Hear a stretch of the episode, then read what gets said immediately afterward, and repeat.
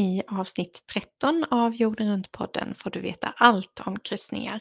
Gäst i avsnittet är Anna och Tinna från Bäckman och Berg. Men det bästa, absolut bästa, bästa måste ändå vara när jag kryssade över från Lissabon till Brasilien. Och just när vi kom in i Rio de Janeiros hamn det var faktiskt det mäktigaste jag varit med om. Det tar väldigt lång tid att komma in där och man ser Jesusstatyn och Copacabana, Ipanema och, och detta.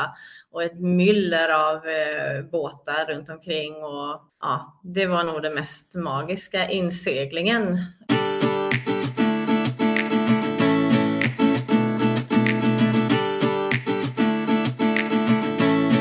Välkommen till Jorden runt-podden med Linda och Cornelia! Jorden runt-podden är din reskompis i poddvärlden. Hej Cornelia! Hej Linda! Och så det stora leendet har jag nu. Ja, det har du. Hej, hej. Är du glad idag Cornelia? Ja, jag blir liksom glad av när du säger, när du börjar säga välkommen till, då blir jag glad. Och det är ju det är ett bra betyg. Då tycker vi att det här är roligt fortfarande.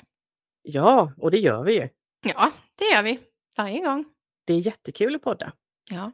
Och det är jättekul att få träffa en massa nya människor och ja, men allt det där vi pratade om i förra avsnittet helt enkelt. Precis. Och nu har vi träffat ännu mer nya människor. Sprudlande härliga Anna och Tinna. Ja, på den Kalmar-baserade resebyrån Bäckman och Berg. Ja, precis. Och det var ju eh, fantastiskt. För visst, vi har ju en del eh, kunskap eller erfarenhet av att eh, kryssa som dagens avsnitt ska handla om. Men ja, där ligger vi lä kan man väl säga utan att avslöja för mycket. Verkligen, de är experter. Ja, Kan man lugnt verkligen. säga. Ja, och det, det är de. Men det får ju våra lyssnare lyssna på om en liten, liten stund. Och till det här avsnittet Cornelia så har vi fått in en del eh, lyssnarfrågor om kryssning. Ja, det är kul. Det är kul. Vi älskar när ni hör av er, som ni Mm. vet vid det här laget. Hur hör man av sig förresten Cornelia? Ska vi ta och berätta det först?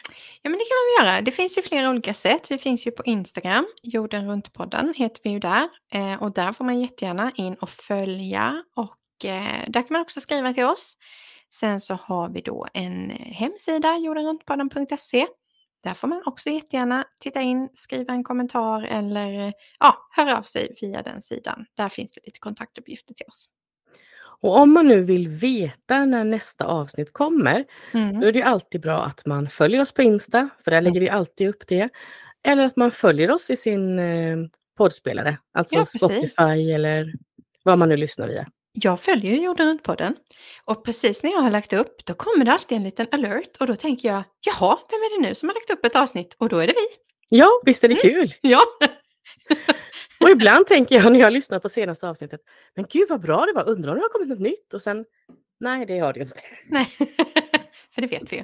Mm. Ja, nej men det kan man väl säga. Vi, vi, ehm, vi har ju inga fasta datum att vi säger att det är så här andra tisdagen i månaden eller så. Det är ju faktiskt lite grann också för att vi gör ju det här på, på liksom hobbybasis. Vi, vi har lite andra grejer vi pysslar med vid sidan om och prioriterar det här så gott det går. Men ibland kommer saker och ting emellan. Exempelvis hade vi ju tänkt släppa det här avsnittet lite tidigare. Men vi har varit sjuka och lite sånt. Men precis, det är inte så kul att lyssna på någon som knappt har någon röst, till exempel, som jag inte hade förra veckan. Nej, då skulle man kunna lyssna på något av avsnitten från förra säsongen för då, hade, då var jag väldigt förkyld, det minns jag.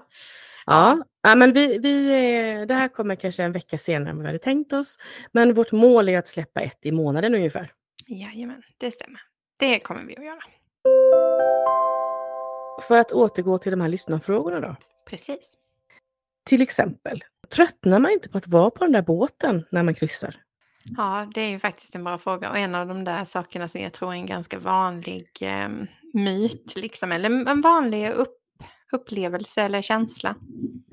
Eh, nu har ju du kryssat mycket, mycket mer än vad jag har och eh, jag tror också att det där skulle kunna vara ganska så beroende på vem det är du frågar. För jag tror att även om jag kommer säga nej, det gör man inte, så tror jag att det finns folk som skulle kunna tröttna lite på det. Men alltså tittar man på de fartygen som, ja, som är de, då, då finns det ju, jag kan väl bara säga så här, när vi kryssade på vår största och längsta kryssning, då hittade vi saker sista dagen som vi inte hade sett för. Mm. Så är det. Det är som en liten stad det där, Ja. de där skeppen. Eller fartygen heter det kanske. Mm. Ehm, och jag skulle väl säga så här att man tröttnar ju inte på att vara ombord på båten. För att det finns jättemycket att göra. Sen tycker jag att man kan tröttna på samma sätt som man kan tröttna på ett all inclusive hotell efter en vecka. Det blir ju liksom... Men man kan bli sugen på att laga sin egen mat eller Mm.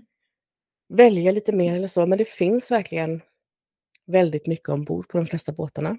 Så att nej, jag tycker inte man tröttnar. Och Nej. en annan sak som gör att man inte tröttnar det är ju också att man går i land nästan varje dag. Mm. Precis. Så man är ju inte på båten en hel vecka utan man går ju av och är i land halva tiden ungefär om man Mm. vill. Mm. Ja, och det, herregud, det är ju att det var ju en av de häftigaste sakerna jag tyckte, att man somnade i ett land och vaknade i ett annat. Ja, det är jättehäftigt. Ja, det är faktiskt riktigt coolt. Man behöver inte flyga liksom dit man ska utan man bara går och lägger sig och sen vaknar man när man ska vara. Som en liten följdfråga till det så har jag också fått in frågan, eller vi har fått in frågan, är det inte stressigt med att man inte får vara så länge i hamnarna? Det var också en sak jag tänkte på när jag skulle på kryssning första gången. Men ska jag få vara i en hamn bara åtta timmar till exempel? Ja, men man kan ju se det på olika sätt.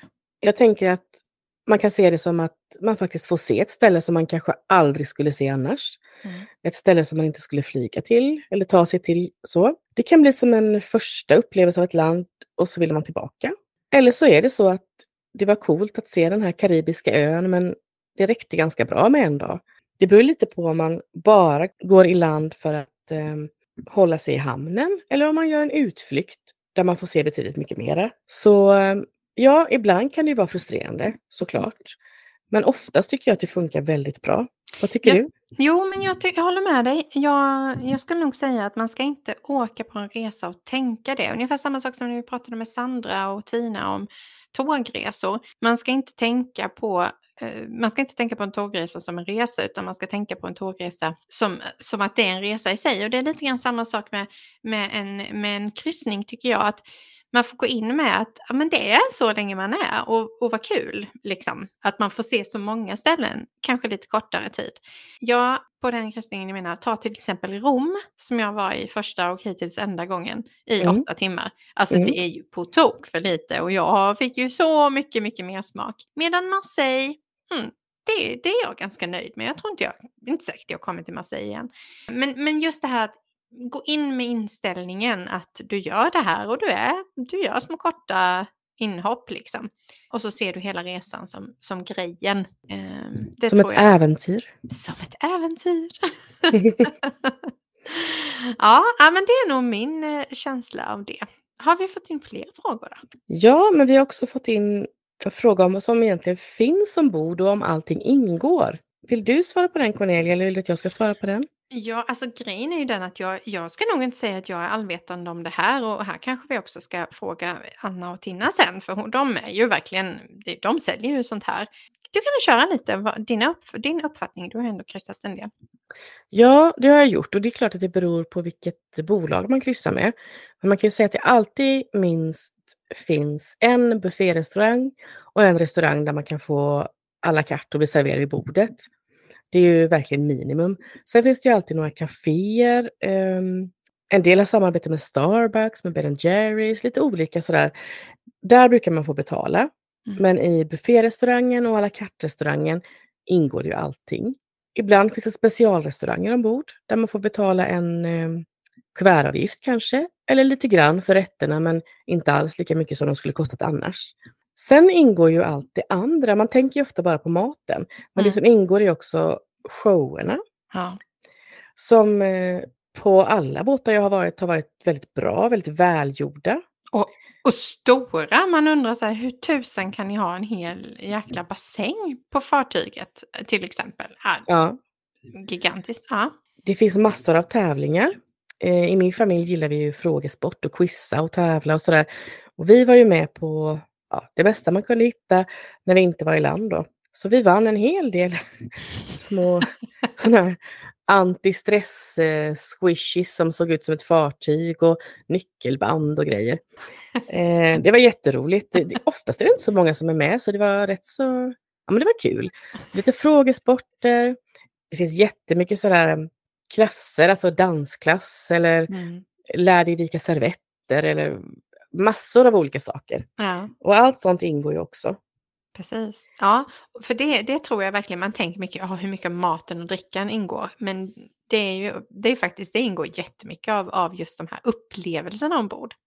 Det gör det verkligen och, och, man skulle kunna ha kul utan att gå i land överhuvudtaget om man, om man skulle vilja det. Ja, gud ja. Absolut. Så det finns massor att göra. Mm. Nej, nu tycker inte jag vi ska vänta längre Cornelia. Nu är det dags. Ja, nu, nu har vi något fantastiskt framför oss. Vem är det vi ska träffa? Vi ska träffa Anna Bäckman och Tina Berg som är två Kalmar-tjejer som har jobbat länge på resebyrå och som för några år sedan när hela branschen blev mer och mer digital bestämde sig för att öppna en egen resebyrå med personlig service på plats mitt i centrala Kalmar. Och det går hur bra som helst för dem. Ja, det är väl dags att släppa in eh, kryssningsexperternas eh, kryssningsexperter Anna och Tina på Bäckman och Berg.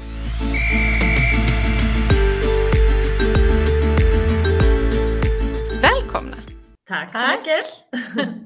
Vad härligt att ha er här. Alltså jag gillar, ju, jag gillar ju er på många olika sätt, bland annat för att ni är rosa i loggon och så, eftersom jag är lite mer rosa. Men jag gillar er på, på många andra sätt också. Men det är klart att man faller Jag hoppas man gör. Men man faller liksom lite extra när det är rosa, när man har det som sitt eget varumärke, liksom. lite mer rosa.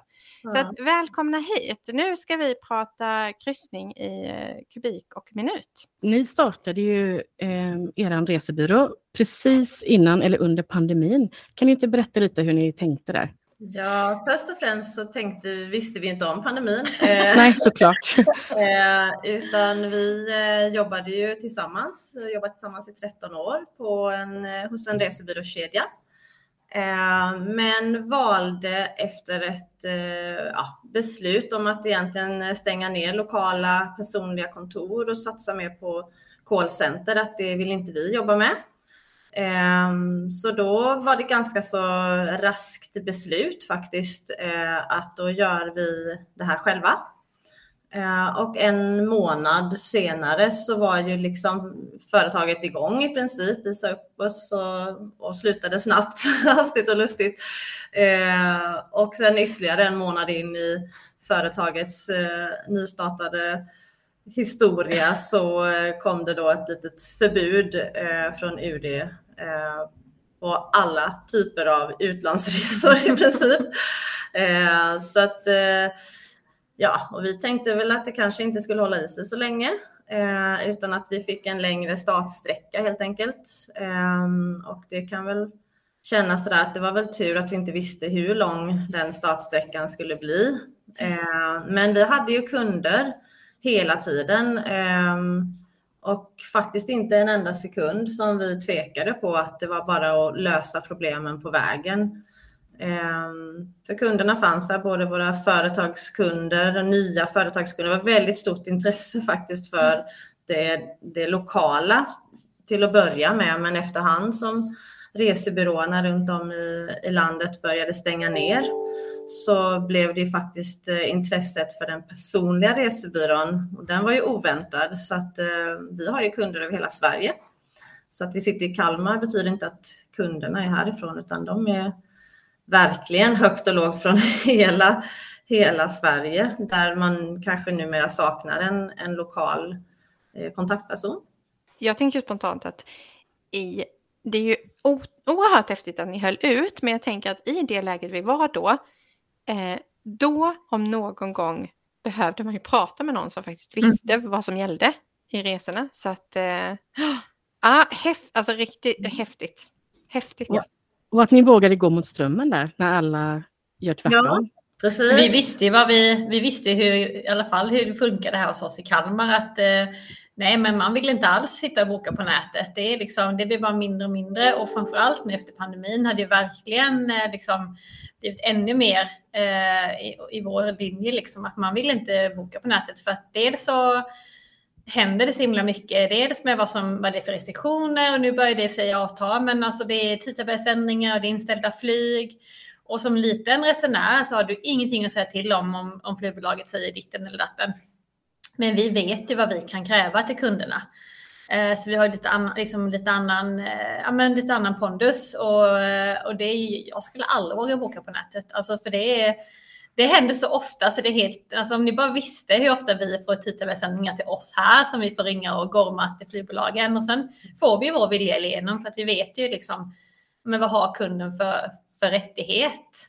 Så vi har ju egentligen, alltså, vi, vi har egentligen fått mer kunder efter eller tack vare pandemin, kunder som vi egentligen kände att vi tänker inte försöka övertyga eller eh, ja, lägga liksom pengar i marknadsföring om varför man ska boka på en resebyrå, utan vi, vi sa det, vi kör i liten skala. Eh, och de kunderna som vill ha det personliga, de kommer till oss och resten får göra som de vill. Men vi har väldigt stor procent kunder som tidigare bokat online och förlorat pengar och ja, inte ja. vill sitta där och, och harva. Jag blev ju sugen på när du sa det här nu, ni skulle bara veta. Jag, jag ser ju nästa grej är att vi praoar och liksom lär oss den delen av resebranschen också, Linda. Ja, det så. Det var bara en idé. Vi har alltid massor av idéer, men jag tyckte det var lite spännande. Faktiskt, det, det hade varit lite roligt. Kom och se vad som händer på resebyrån en dag. Mm. Men jag är ju faktiskt en av dem som har bokat själv de senaste 10-15 åren och sen nu, nej men nu ska jag nog boka via. Så bokade jag en kryssning via er i somras. Eh, just för att eh, det kändes tryggare i de, i de här tiderna. Även, även vi som är vana vid att boka själva. Ja, men det är alla, alla åldrar. Det kan vara någon som ska åka på sin första resa som tycker att det man vill, deras föräldrar förmodligen sagt till dem att eh, men ring, ring till Bäckman och Berg så att ni, ni får reda på allting. Och skulle det vara någonting så vi är ju duktiga på att svara. Liksom, de flesta av våra kunder vet ju, alltså, de kontaktar oss kanske personligen till och med på eh, sociala medier och så här. De hittar ju oss liksom dygnet runt. så ehm, ja, och det är inte lika lätt om, om man ska själv kontakta ett flygbolag eh, och sitta i köer och så vi kommer ju aldrig ignorera ett, ett meddelande som, som kommer från en, en kund i nöd. Liksom. Det, det är snarare tvärtom, att man, man liksom blir lite så här, hur snabbt som möjligt man, man kan svara. Liksom. Men det låter ju helt fantastiskt som kund. Mm. Men jobbar ni inte ihjäl er? Jo. Men så, det står ju på er hemsida då att ni är experter på kryssning. Och jag har hört att ni har kryssat väldigt mycket själva. Ja. Vill ni... jag, har, jag har varit på lite i det här sammanhanget. Jag har varit på, jag typ 18 eller 19. Okay. Du har varit på typ 35. Ja, 35. Men, och ni hade jobbat med resebyrå tidigare, så att resebranschen är eran, men, men vad är det som gör att, vad, hur, hur kom det här liksom kryssnings... Eh, eh, alltså för mig i alla fall personligen så var det Första kryssningen jag gjorde det var för att jag ville beta av flera destinationer som ung 22-23-åring. Du är lite äldre men det är samma sak för Linda. Ja, det är samma för mig. Och då var det just också för att jag jobbade i branschen och eh, oftast fick frågan av kunderna liksom, har du varit där själv? Har du varit där själv? Eh, så att då ville jag beta av eh, många destinationer. Eh, men då upptäckte man ju också att eh, alltså, utsikten på hotellet är liksom olika varje dag eh, och det är väldigt bekvämt. Det var ju lite som andra ungdomar då började liksom med backpacking och så medan jag hade mitt hotellrum med mig. Så faktiskt lite så började och sen var det faktiskt så rent sälj, vad ska jag säga, sammanhang när man började sälja mer, det var faktiskt efter tsunamin. Eh, då jobbade jag på en annan byrå då såklart. Ehm, och eh, vi hade massa Thailandsresenärer som helt plötsligt inte såklart kunde åka eller ville åka till Thailand. Och då började man titta på en ersättnings, liksom, vad, vad ska vi skicka dem istället? Och då blev det stort intresse för Karibien just för att klimatet och reslängden ungefär var samma. Eh, och så upptäckte man snabbt att där fick man inte alls lika mycket för pengarna och att liksom vara två veckor eller till och med tre veckor i, i Karibien blir ju väldigt dyrt. Men konkurrensen bland eh, rederierna är ganska stor. Så eh, att man då istället kunde flyga till Miami och stanna där några nätter och sen åka då på kryssning. Så det var där liksom det tog fart rent försäljningsmässigt alltså, för mig. Sen har vi jobbat mycket med det sen, sen vi började jobba tillsammans också. Eh, att vi, vi tyckte själva att det är ett väldigt bra sätt att resa eh, och det är prisvärt och eh, alltså mängden, det blev nästan så här, vi satt ju då också bredvid varann och eh, Eh, det var jätteroligt när kunder kom in eller ringde. Så, ja, vad vill ni ha? Och så frågade de. Och allting passade in på en kryssning. Någon säger, ja, men jag vill ha äventyr. Jag vill inte bara vara still på ett ställe. Ja, men jag vill god ta mat. det lugnt. Det var god mat. Det var, alltså, och så, ah, så titt, ah, har du funderat på en kryssning? Och så satt vi och skrattade lite åt varandra. Så alltså, vi hade ju Ja, var... ofta så var det så att det, antingen var det kvinnan eller mannen som inte, nej absolut inte. Och sen när man satt, där, som satt och pratade så gick de ut med bokningsbekräftelse på en kryssning i alla fall.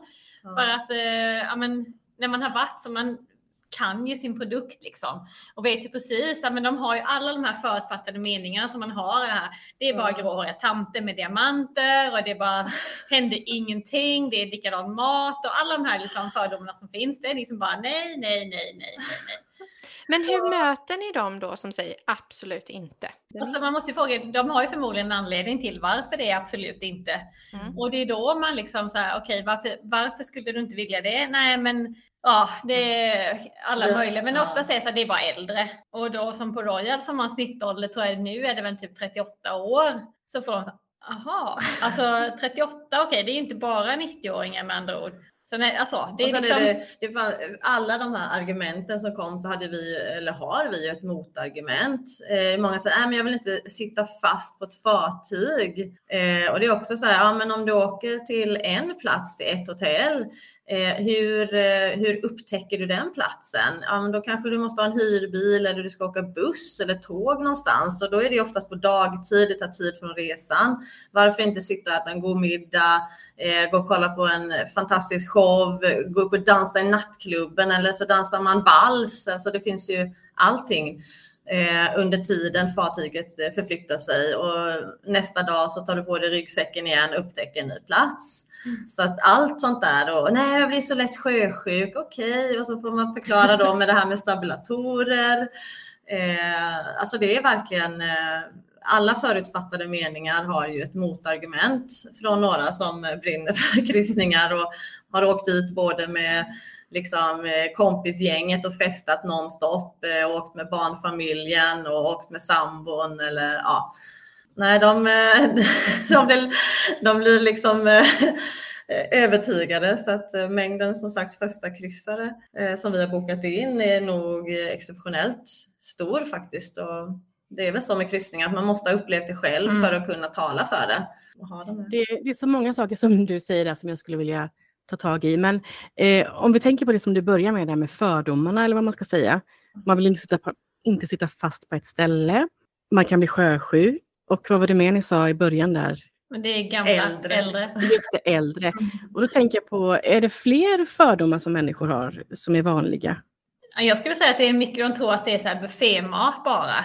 Att det är så här, ja. men det är ingen god mat. Vi vill äta god mat och dricka gott.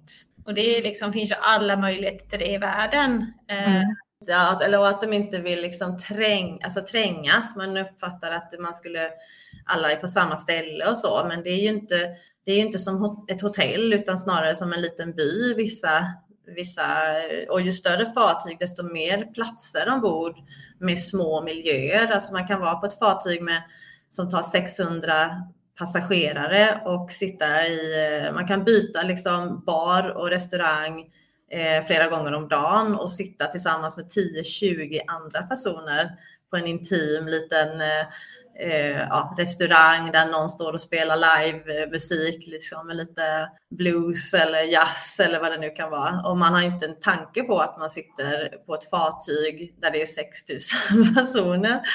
Så att, eh, Men dyrt också är det ju en ja, sån dyrt, jätte... Ja. ja, det är, nej, det är dyrt. Det är det verkligen inte. Nej, vi kan väl prata lite om det då, det här med prisvärt. För ni säger att kryssningar är prisvärt. Mm. På vilket sätt är det inte dyrt då, som ni säger? Vad är, vad är det som... Jag tror att folk är så här, man ser priset på kryssningen och vi, vi, när vi ska, om kund vill ha en offert från oss så ger vi, liksom då har vi flyg, vi har transfer, vi har hotell om man nu var det innan och kryssningen så är det ett pris och då blir det kanske kunden, för det första så har kunden tänkt ett hotell utan mat och de är stilla på det stället hela tiden. Och sen kostar det någonting. Och sen får hon det här där det då är allt ingår, mat och dryck och liksom man får se alla de här nya platserna. Så klart att det kostar mer. Men räknar man ut sen vad notan blir på det här där du inte hade någon måltid alls, de skulle ta buss någonstans, det var taxi dit och det var ditten och datten, så är det förmodligen mycket mer än vad, vad kryssningen kostar. Och det är det som när folk får reda på för det första att det inte kostar mer. Mm. Så blir det, det liksom, eh, ja, och det är många som faktiskt eh, tror att det kostar mer. Mm. Alltså att man, eh, så det är också ett sådant argument. Men jag tar fram ett förslag eh, på om ni ska vara tre veckor i, i Florida och hyra hus eller om ni, om ni ska liksom lägga kanske en, en vecka liksom i, på en kryssning. Och då, jaha, kostar det inte mer?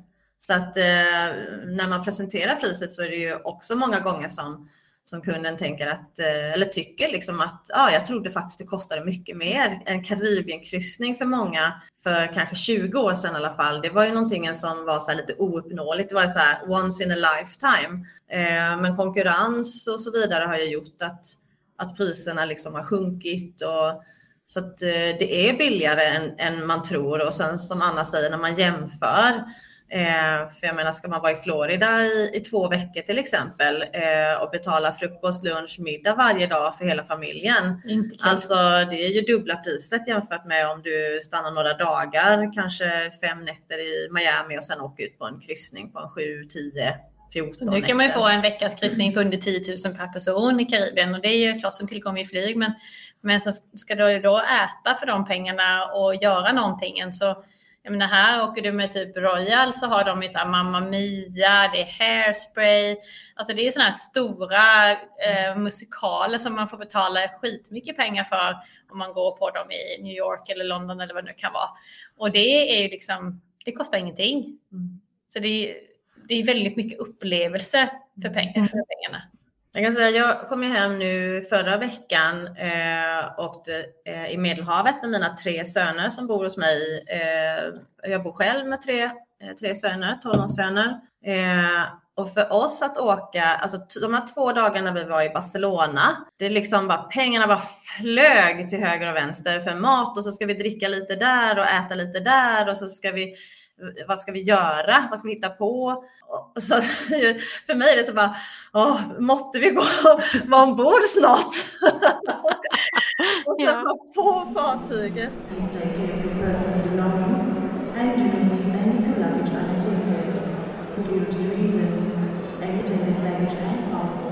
Men är det, väljer ni något speciellt bolag då när, när du åker privat med, med barnen som de gillar mer än andra eller spelar det ingen roll? Barnen vill ju ha mycket aktiviteter.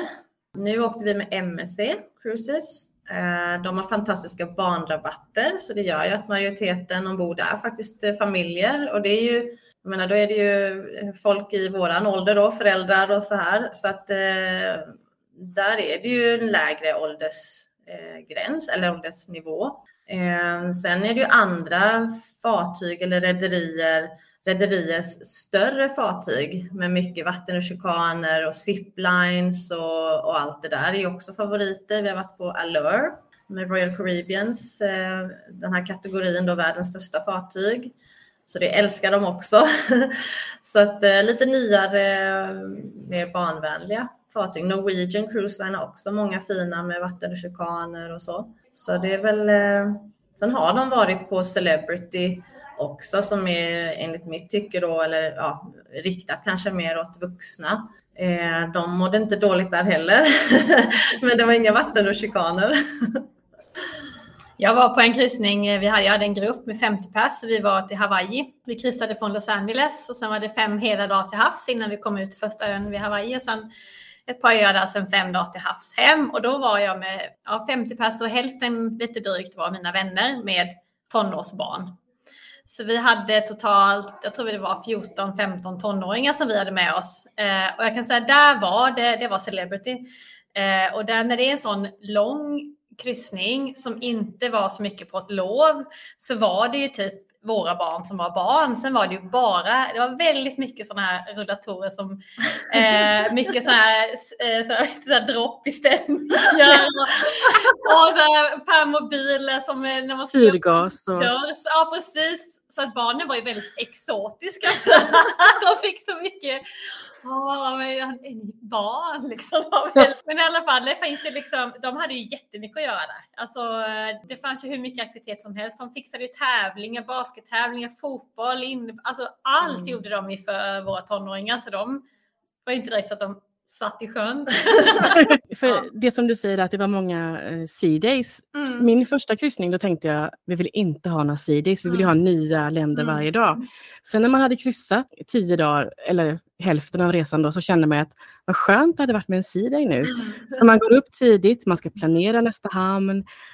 Det är ganska intensivt att Mm. kryssa ju om man vill gå av överallt. Så Mm. de här sea daysen, de är ju inte fel.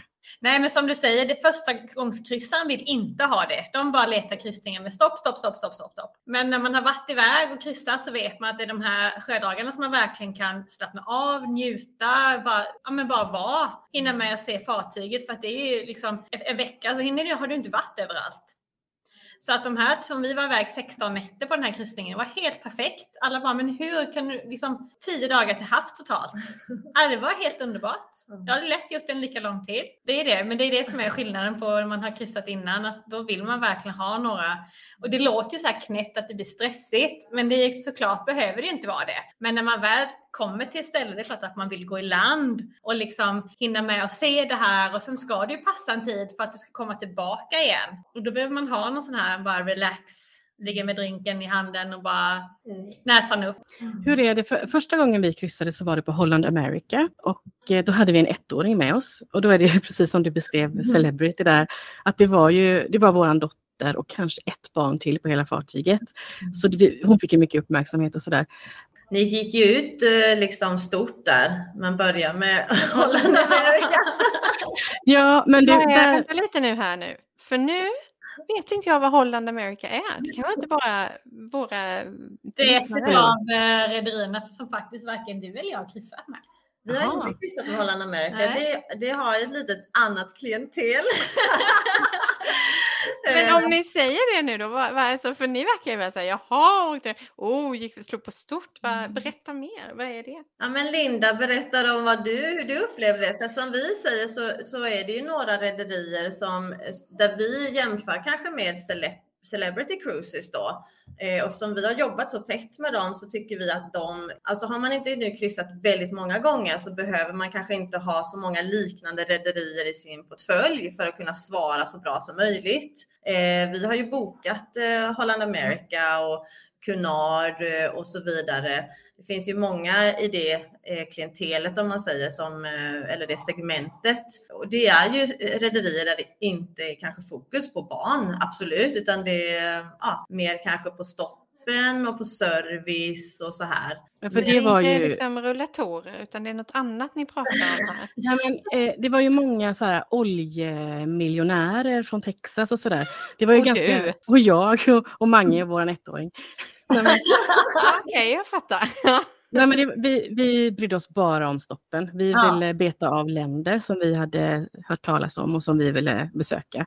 Mm. Så vi tog en tio dagar med så många udda stopp som möjligt. Mm. Och vi var jättenöjda och det var verkligen superlyxigt och det var vita handskar och det var afternoon tea och det var liksom Jag har kryssat med andra bolag efter som har varit jättebra också men Holland America är en annan nivå på något Ja. vis. Men det är också lite annan prisnivå på det och lite mindre fartyg. Ja det är det kanske. Eh, då när vi tittade så var ju hon bara ett så då betalade vi ju inte direkt för henne. Mm. Nu, eh, nu kryssar vi ju gärna med MSC eller med Costa som har så bra barnrabatter. Mm. Mm. Jag har ju ett rederi också som vi har jobbat mycket med och som, eh, som jag har kryssat med och det är Asamara. Där är det ju en 800-900 600 till och med kanske ja. ja, passagerare bara. Och där är också som Holland America att du har fokus på stoppen eh, och de själva förklarar, alltså beskriver sig som, eh, alltså det är en rundresa fast eh, det är på ett fartyg istället för på en buss eller så. Ja. Eh, så där är det lite mer udda stopp och kanske någon overnight. Eh, alltså De hade ju en sån nu eh, i slutet av augusti, en vinkryssning Den, den utgick ifrån typ, eh, vad sjutton var det? Jag säger att den utgick från Nice kanske. Nu kommer jag inte ihåg om det var just det. Men så var det i alla fall eh, en liten eh, en vinutbildning som man fick gå på. Och sen var det buss till någon sån här vingård där man fick så här, gå igenom den gården och vinprovning. Sen var det liksom olika stopp på den här. Så det, liksom, det var som en, eh, en vad ska man säga, tema, en liksom. temaresa, en vinprovningsresa med en kryssning. Så det liksom knyter ihop hela säcken där. Det var jättehäftigt. Det la vi faktiskt ut. Det la ut i Ja. början av sommaren tror jag det var vi la ut det. Och de kommer, vi ska ha en resemässa här i Kalmar. Eh, 29 oktober. Då kommer faktiskt Asamara från England och kommer hit till lilla Kalmar och eh, en av de som ska vara med som utställare. Det är kul. Kul. Men resemässa, då kommer vi. Ja, Ja. Vi kommer ha både Royal Caribbean, Celebrity Cruises, MSC, eh, Norwegian Cruise Line och Asamara. Och sen är det flygbolag och det är lite andra eh, leverantörer som vi har också. Ja, nu är det vi som håller i själva mässan, nu hyr vi start och nu är det vi liksom som styr med allting. Gratis såklart. Gratis att besöka. Gratis. ja. Kanske du kommer ut med fakturan då. Ja, det är ju förhoppningen. Kan man säga att kryssning är för alla? ja, absolut. Ja.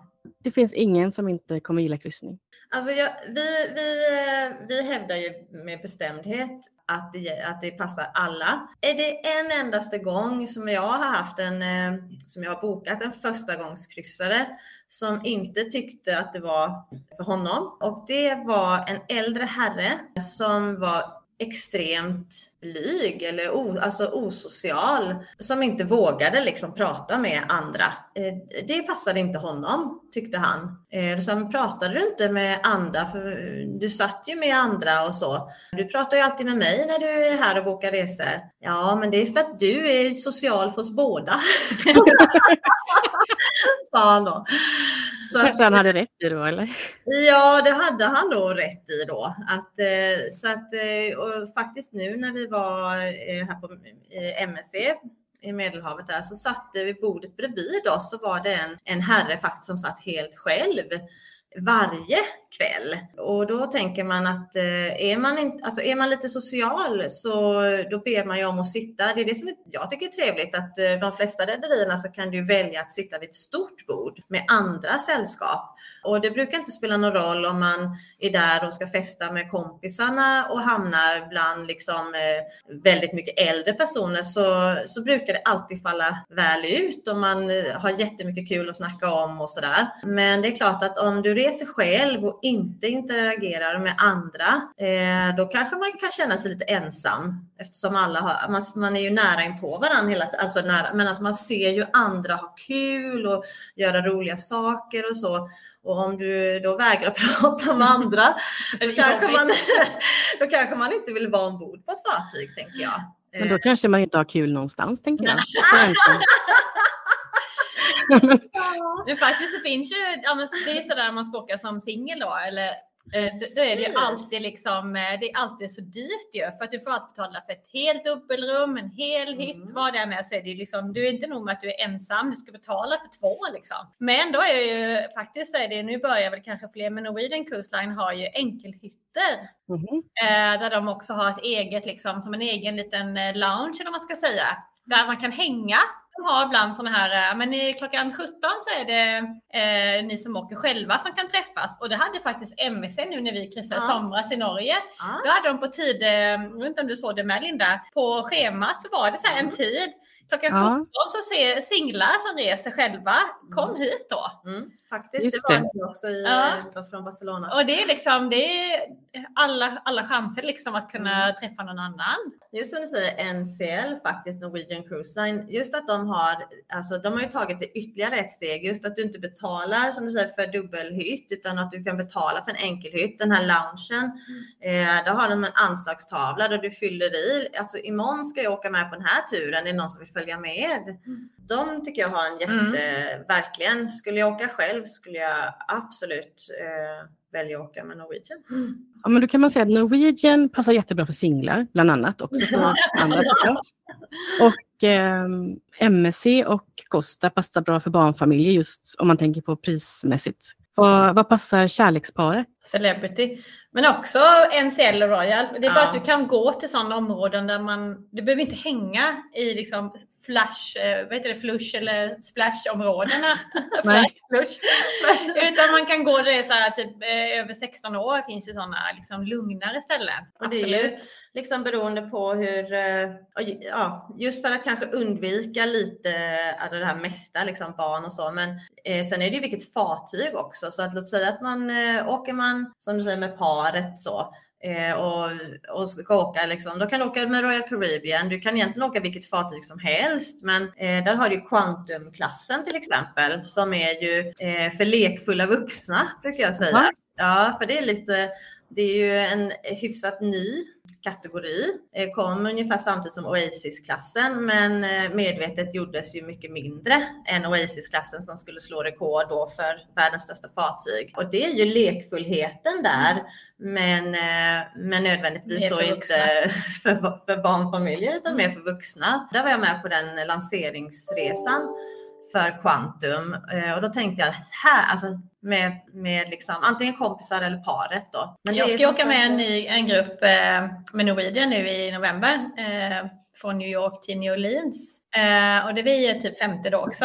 Eh, och då är det två barn som ska med. Eh, två små barn och så är det bara vuxna. Och där kommer ju, liksom, där kommer barnfamiljen hänga mer i, liksom, eh, i den, de, de har små barn i det området. Och vi andra som inte har med våra barn, vi kommer ligga, alltså man kan liksom, alla hänger på sina ställen på dagarna och sen träffas man på kvällarna. Så det är ju liksom, det är verkligen eh, perfekt. Som Mm. generationsresa. Mor och farmödrar som ska bjuda sina barn och barnbarn.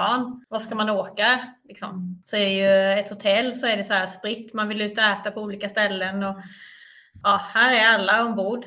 Och så träffas man på kvällen och äter tillsammans. Och så är alla, man kan springa på mormor där eh, på dagen eller, eller gör man inte det? Det Man väljer själv. Man kan gömma sig i hytten också om man vill. Det kan man absolut göra. Men eh, då vet vi kärleksparet, och vi vet familjen och vi vet, vad var det mer vi hade? Eh, Singeln ja. Mm. Och kanske generationsresor. Det passar på de flesta fartygen egentligen. Absolut. Men om man älskar god mat och dryck och sådär, är det någon som utmärker sig då? Alltså jag måste ju ändå, alltså jag tycker att maten generellt är bra eh, med liksom alla rederi.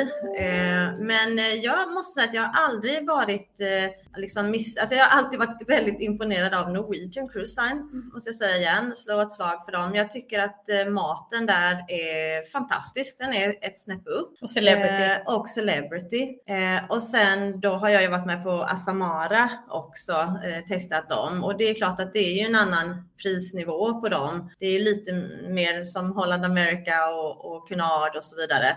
Eh, så där är det ju liksom ja, fantastisk mat. Men av, av de mer, vad ska man säga, vanliga. Prisvärda. ja, prisvärda. Ja, så måste jag slå ett slag för Norwegian. Mm. Väldigt bra mat. Och de är ju också lite, de har ju lite olika inriktning vad jag har förstått. Costa har lite italiensk mat och MSC också va? Eller är det, Mm. Det var också italienskt rederierna är ju från Italien. Ja. Ja. Så det är väl snarare det som skiljer kanske att, eh, för annars är de ändå ganska bra på att ha olika teman. För som Anna säger att det är Costa och MSC är ju italienska. Eh, Norwegian och Celebrity, Samara, Royal är amerikanska. Eh, Den största skillnaden skulle jag säga är faktiskt servicen. Att även om det är alla nationaliteter som verkligen alla nationaliteter som jobbar ombord så märker man tydligare de italienska har, har en annan eh, lite stil eller så och det amerikanska, amerikanerna är ju väldigt, väldigt duktiga på service och det märks Mm. väldigt stor skillnad. Eh, Det är en annan skola, absolut. Ja. Mm. Eh, Men tillbaka till maten så absolut, det är ju, de vill ju sätta sin prägel liksom på att de är italienska, så att man, de vill få fram det. Men nästan alla rederier har ju till exempel på buffén eh, ett, eh, som jag älskar, ethnic corner. Mhm. för man går runt och så är det liksom lite, inte samma för det byts och så, men det är mer liksom main, mainstream, liksom man känner igen rätterna. Men då är ju tipset att verkligen gå runt hela buffén så man inte missar det här etniska hörnet. Eh, och där märker man, här är det, eh, någon dag är det afrikanskt, det kan vara jamaikanskt, det kan vara indiskt och så här. Så Eh, för det, där får vi också lite så feedback ibland att ah, men det, de vågar inte krydda, det är lite, lite smaklöst, det finns ingen stark mat. Och så, men gå till den etniska hönan på buffén eh, som man ofta äter sin lunch och ja, frukost också, men framförallt lunchen då. Ja. För det är ju, om vi ska förklara lite för de som inte har kryssat, så hur funkar det med maten ombord? Alltså man, genomgående på alla rederier kan man säga att det alltid finns två, minst två alternativ och det är ju à la carte eh, och buffé. Eh, och där väljer du om, ah, både frukost, lunch och middag. Eh, buffén överlappas ju i går från liksom frukost till någon form av brunchversion och sen så är det stängt i knappt en kvart. och så är det lunchversionen och sen går det ju över till middag och sen även till lite midnight eh, buffé. Så där är ju nästan öppet eh, dygnet runt medan à la carten, du kan sitta ner och äta en frukost eh, och välja från meny. Eh, och även vid lunch. Eh, det är bara att de flesta gör det inte för att då är man lite på språng eller kanske har tar lite längre badkläder tid, på sig och sådär. Ja, det tar lite tid. Och middagen är väl majoriteten i en à la carte restaurang då, och där du kan välja två förrätter som jag brukar göra för jag älskar förrätter och du kan välja två varmrätter också. och Du kan välja alla desserter om du vill, men det är frukt, äh, ja, förrätt äh, och varmrätt och dessert. Och sen är det ju ganska så stort utbud av liksom temarestauranger som man brukar säga där man betalar då antingen en kuvertavgift eller per, per rätt. Om man vill testa någonting annat och inte äta i, i samma à la carte-restaurang. För à la carte-restaurangen och buffén det ingår ju i kryssningspriset. Mm, ja. Men hur är det med dryck? För det ingår ju inte i de flesta. Nej, där har ju MSC eh, har ju ofta kampanj där de har ett så kallat Easy dryckespaket som ingår. Då är det ju ja, men det är lite drinkar och lite vin och en, öl på, på draft eh, och, och läsk till barn. Sen kan man köpa upp sig om man vill ha lite, lite bättre drinkar, lite mer att välja på. Eh, Norwegian Cruise Line har också ofta ett fördelaktigt dryckespaket man kan lägga till för en liten peng. Eh, Royal är lite dyrare att lägga på.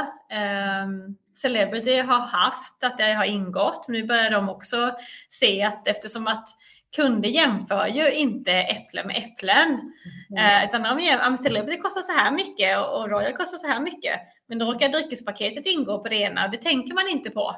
Så nu har de också börjat att ta bort dryckespaketet för att det ska liksom jämföras på samma villkor. Och så får man lägga till det istället då. Men då, om man säger till det vanliga priset, då ingår ju ingen dryck alls va? Eller hur? Nej. Nej. Precis. Det... I huvudrestaurangen så brukar det, typ då bufférestaurangen så brukar det ingå typ vatten, lemonad och kaffe just bara i bufférestaurangen. Det är bara där. Jag gjorde så i, när barnen var små eh, och man tyckte att eh, det fick liksom inte kosta så mycket under själva resan. Eh, då hade jag inget dryckespaket Eh, och jag tog ett glas vin eh, varje kväll. Eh, barnen fick dricka allt som ingick liksom. Och det var ju som Anna säger, det är liksom lite lemonad och sånt där vid buffén och så. Men det var ju ingen liksom läsk. Eh, på, så.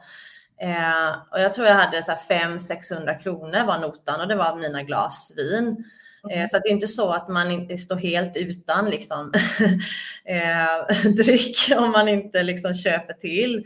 Men det är klart att åker man eh, ja, med sin partner eller så, då vill man ju såklart ha det här lite bubbel, kanske vi, bubbel i bubblet och, och lite sådana här grejer, drink och lite så.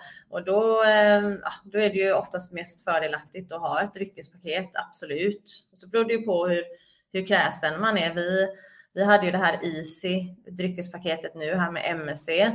Eh, och eh, det var bara en, en sån här eh, draft beer som ingick. Men eh, ja, min partner var jättenöjd med det. Men sen kan det vara någon annan som min tycker att... Min partner var inte lika nöjd så vi var tvungna att uppgradera. Eh, och vi drack ju alla drinkar där liksom, eh, som ingick och det var, råkade ju vara liksom två av favoriterna och så här, så att vi hade det, vi behövde inte lägga till någonting utan det, vi bokade i en kampanj och ja, hade det inkluderat och barnen var nöjda med obegränsat med liksom cola och Fanta och allt det här.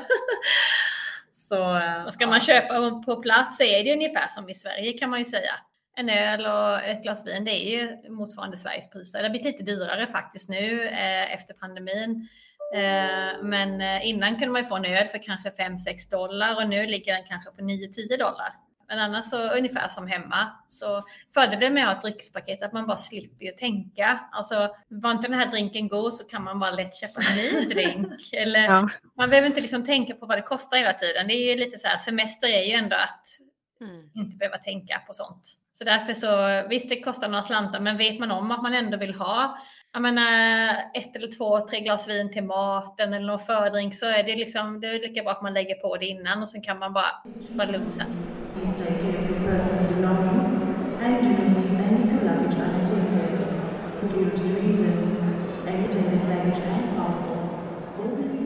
Jag tänker också på eh, utflykter. Eh, för varje dag, eller nästan varje dag, så stannar man ju i en ny hamn. Och i en del hamnar kan man ju promenera in och göra helt själva.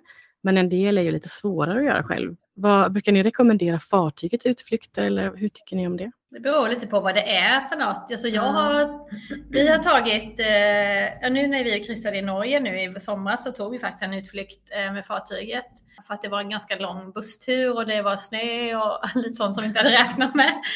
Eh, men annars så tar vi, ja, vi gör allt på egen hand. Liksom kolla, okej okay, det här erbjuder rederiet, vad ska åka dit och dit och dit. Och sen så då gör man typ en copy-paste, gör samma sak. Fast man får ju vara väldigt, väldigt noga med att vara tillbaka i tid. Mm. För de står ju inte och väntar på Beckmans där när, när det är sista. Eh, vilket de gör kanske om man har varit på en, ut, liksom en utflykt med rederiet och bussen får eh, punker, det, punktering. Mm. Då väntar man ju in den bussen. Så det är liksom, kan man bara liksom vara i tid, den lilla, den lilla grejen, så kan man göra mycket på egen hand. För det är ju en mardröm lite grann. Mm. Ja, vi, alltså man, det är ju det här och, ja, hur, man, hur man själv är. Men har man nu kryssat mycket och varit på stoppen innan så för oss är det inte något konstigt. Och jag är ofta så att jag vill åka dit ingen annan åker. Och då tar jag min taxi och sen så säger jag till taxichauffören att komma och hämta mig här sen igen. Eh, eller se till att det finns i alla fall någon taverna eller någonting i närheten som jag jag kan liksom ja, be dem och, och ringa efter någon och, och skjutsa tillbaka. Så jag gör nästan allt på egen hand, eller verkligen allt på egen mm. hand. Eh, men eh, när jag kryssar med mina föräldrar, eh, som vi gjort några gånger, och ja, men de vill hitta på någonting så kanske inte de är lika äventyrslystna och kan njuta av att liksom hamna någonstans där det kanske inte riktigt de faciliteterna som de vill ha i närheten.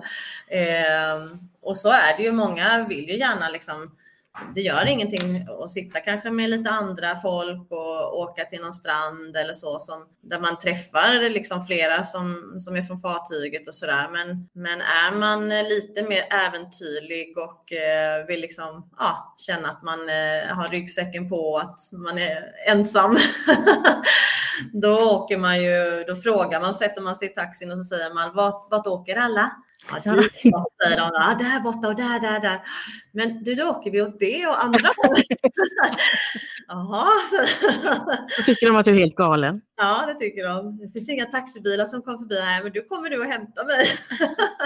mm, då ska de ju göra det också. Ja, då ska de göra det också. Än så länge har det gått bra. Ja, men för jag, vi har provat både att eh, göra helt på egen hand, ta några utflykter via kryssningsbolaget. Men framförallt så har vi tagit via lokala aktörer om man har mm. researchat innan och hittat någon lokal guide som många har skrivit något bra om i något forum. Sådär. Och det har funkat väldigt bra, speciellt när barnen var små och man ville ha bilstolar kanske eller bilkuddar. Då hade vi ofta med oss det själva om de inte hade, men då, där tycker jag man får mycket för pengarna när man tar något sånt lokalt? Eh. Ja, och det är många som gör, många vana kryssningsresenärer gör så. Det är väldigt eh, vanligt bland amerikanare som eh, de är liksom uppvuxna med, med kryssningar så nära inpå sig. Så de, där märker man, amerikanare har oftast bokat in själva så det är lite så rutin på dig att du också gör det. För det är inte så vanligt bland svenskar skulle jag säga, utan de de ser kanske de här två alternativen och de vågar inte riktigt eh, bara ta någon som står liksom ute så på gatan och sådär. Eh, men det är också ett bra tips såklart och försöka liksom ge igen, alltså ge tillbaka till destinationen. Sen är det ju så att även rederierna såklart, det är ju lokala aktörer som, men det är ju fortfarande eh, anlitat av, av rederiet och det finns såklart en vinst eh, för dem där att, eh, att hämta hem. Så, men det är ju absolut prisvärt och, och det är ju det de, de lever på. Så att, och det gör ju kanske att man blir ännu bättre omhändertag, alltså mottagen på Absolut. destinationen också såklart. Jag, jag kryssade ju somras då med MC och eh, i och med att jag, jag ville åka lite längre bort än vad resten av min familj ville så fick eh, mannen och barnen vara lite mer på stränder och jag fick se lite mer. Och därför så tog jag två utflykter med eh, kryssningsbolaget. Mm. Och var den första var jag otroligt besviken på och det var nästan alla som var med på den. Mm. För den var en timme i en mattaffär och så var det en timme i en, eh, på någon slags modeshow då. Och vi trodde att vi skulle få se liksom, eh, Jungfru Marias eh, bostad och sådär. Och den pekade han ut lite på håll sådär.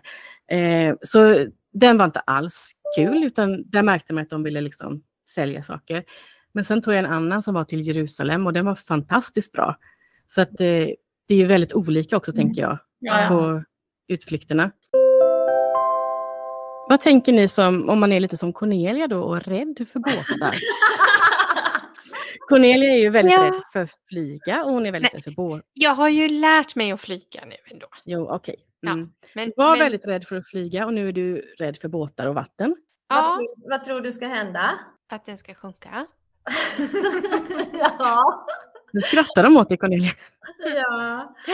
Nej men det, alltså det, jag vet att det är lite men, men eh, jag har ju ändå varit på kryssning. Eh, både så här korta kryssningar till Oslo och till Finland och sen har jag varit på i Medelhavet och stannat och sådär.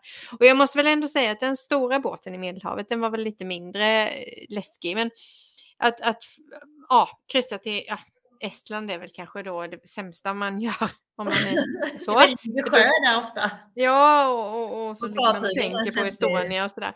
Och, alltså jag hör ju varenda, varenda litet ljud liksom är ju för mig att nu gick det ett hål. Så. Nej men jag, det, men det var ju mindre känsla av det i, eh, på den här stora, eh, då var vi med Royal Caribbean på Symphony of the Sea. Så då är det ju Ja. verkligen så som, Ja. Man tänker ju inte ens att man är på en båt liksom.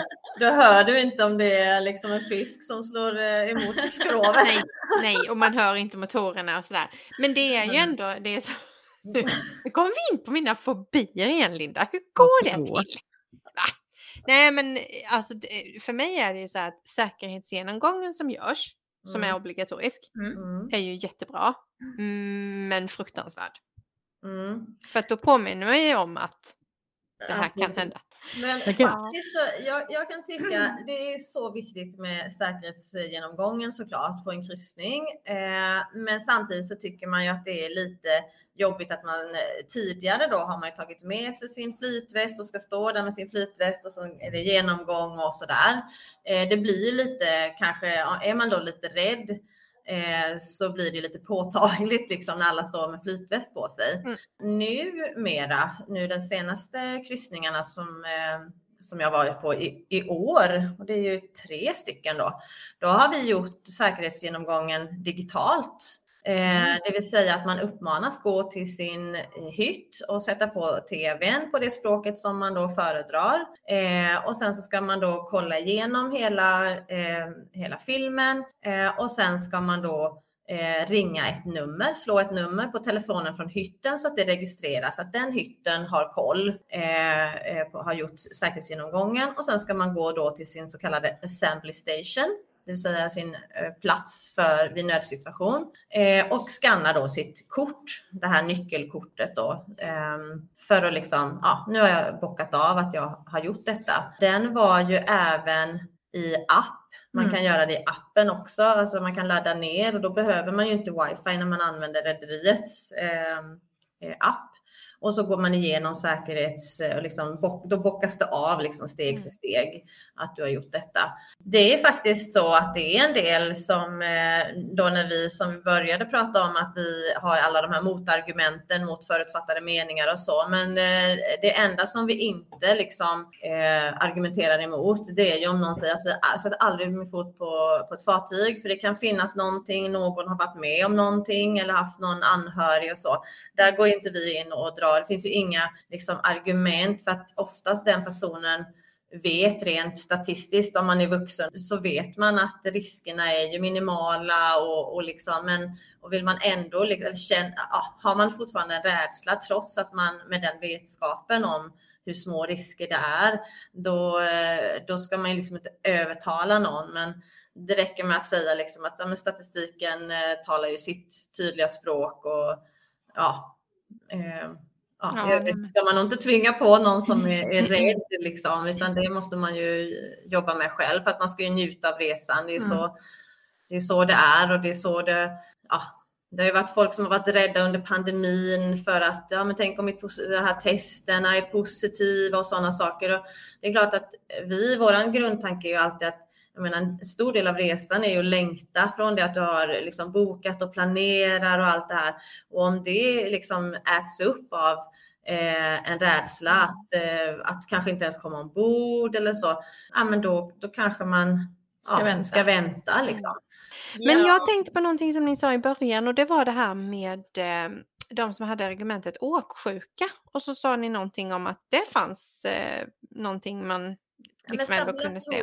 Ja, stabilatorer i kryssningsfartygen är ju fantastiska. Jag har ju kryssat över Atlanten. Anna, du har varit över liksom eh, Stilla havet och över de här fem dagarna liksom till, till Hawaii. Jag har kryssat från Los Angeles ner till Chile där du egentligen bara typ sidvind och ingen eh, inga alltså man, skärgård och så. Eh, men ändå inte liksom känt av egentligen mer att alltså, horisonten kan liksom röra sig lite, men det är inte så att man får hålla liksom i, i glasen på middagen och sådana saker, Nej. utan det är, det är liksom bara Alltså tittar man mot horisonten så kan man se att den liksom rör sig lite upp och ner. Det är väl på den nivån. Och då... Vi har varit en gång när vi var i Karibien så då gick det knappt inte att gå ut, alltså för det blåste så mycket. Men när man väl var inne liksom och gick ombord, då märkte man det ju inte. Utan det var ju först när man gick ut och man, liksom, man, ser, att man ja, ser. Man kan se vågorna. Och det liksom, blåste, man var uppe högst upp liksom. Så att, eh, men ändå så. Eh, för det, det är också sånt där, så har man kanske varit på en färja Mm. Eh, det är väldigt stor skillnad. Fartyg och färja, det är två olika saker. Där jobbar man kanske inte på samma sätt eller det är inte lika stora fartyg och så vidare. Så att, nej, men på sin, ja, sådana som har varit sjö, alltså är väldigt känsliga, eh, då finns det ju, det finns ju en liten läkarstation på alla fartyg och där eh, om man då känner av, eh, även om inte vi andra gör det, men man ändå känner av lite så att det rör sig. Då har de ju sådana här små band som man kan sätta på vristen.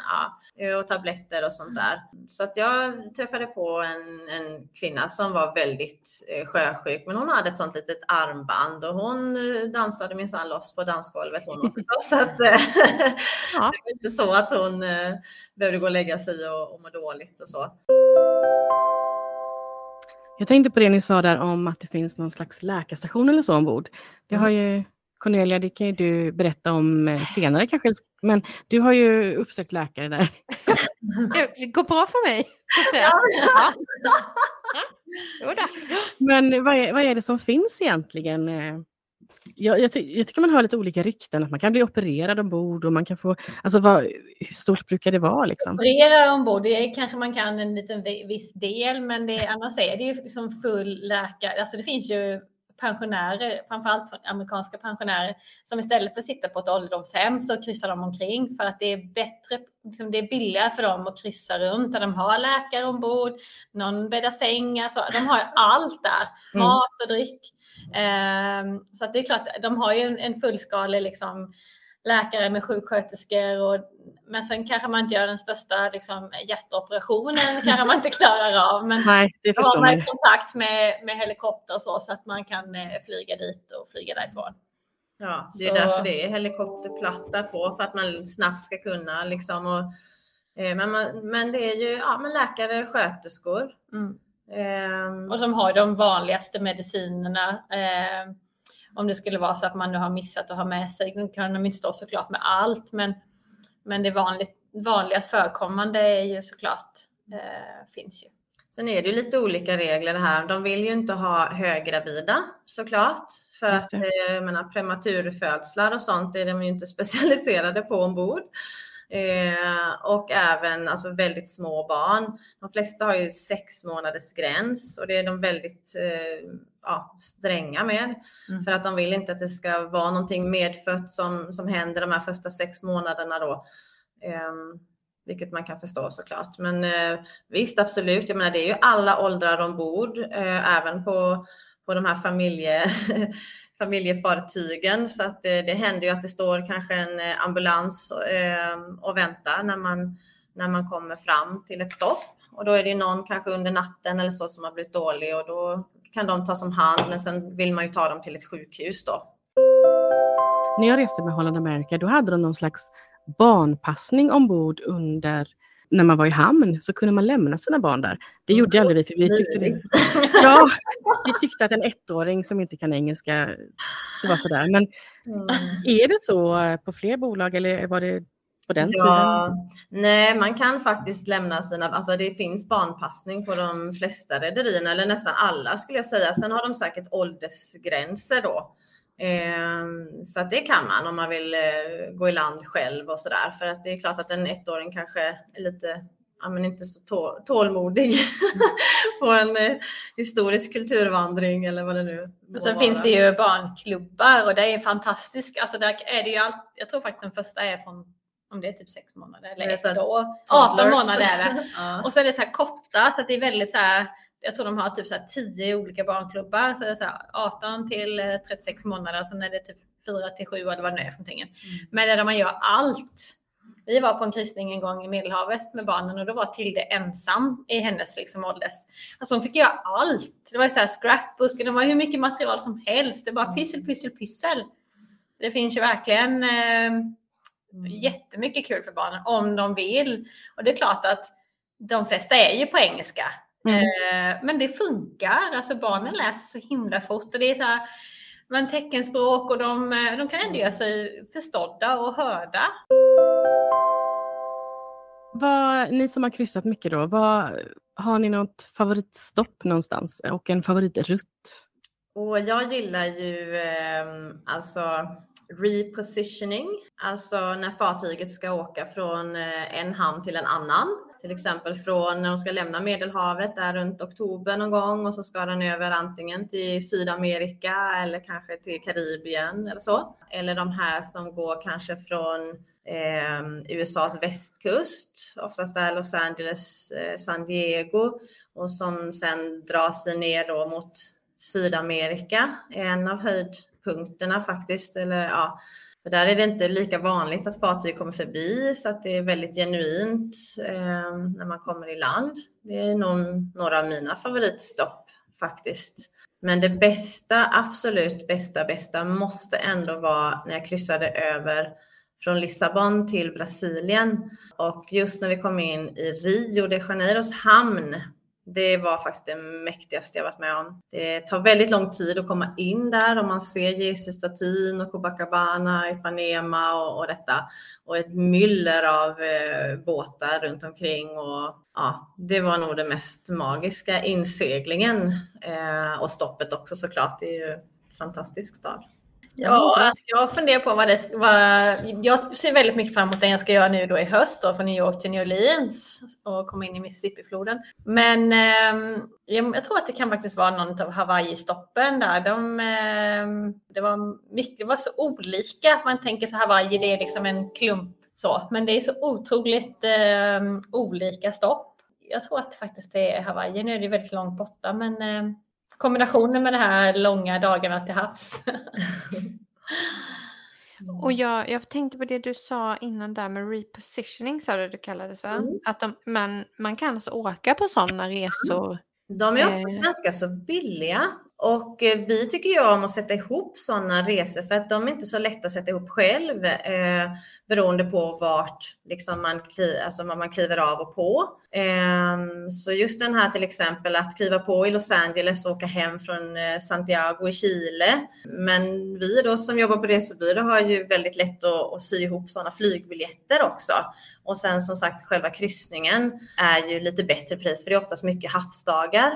De, För, för egentligen låter det som att då, eh, fa, vad ska man säga, fartyget är inte i tjänst då för den ska ju bara flytta men man kan ändå åka med som passagerare. Ja, men den är i tjänst precis som vanligt. Jaha, Ja. ah, spännande.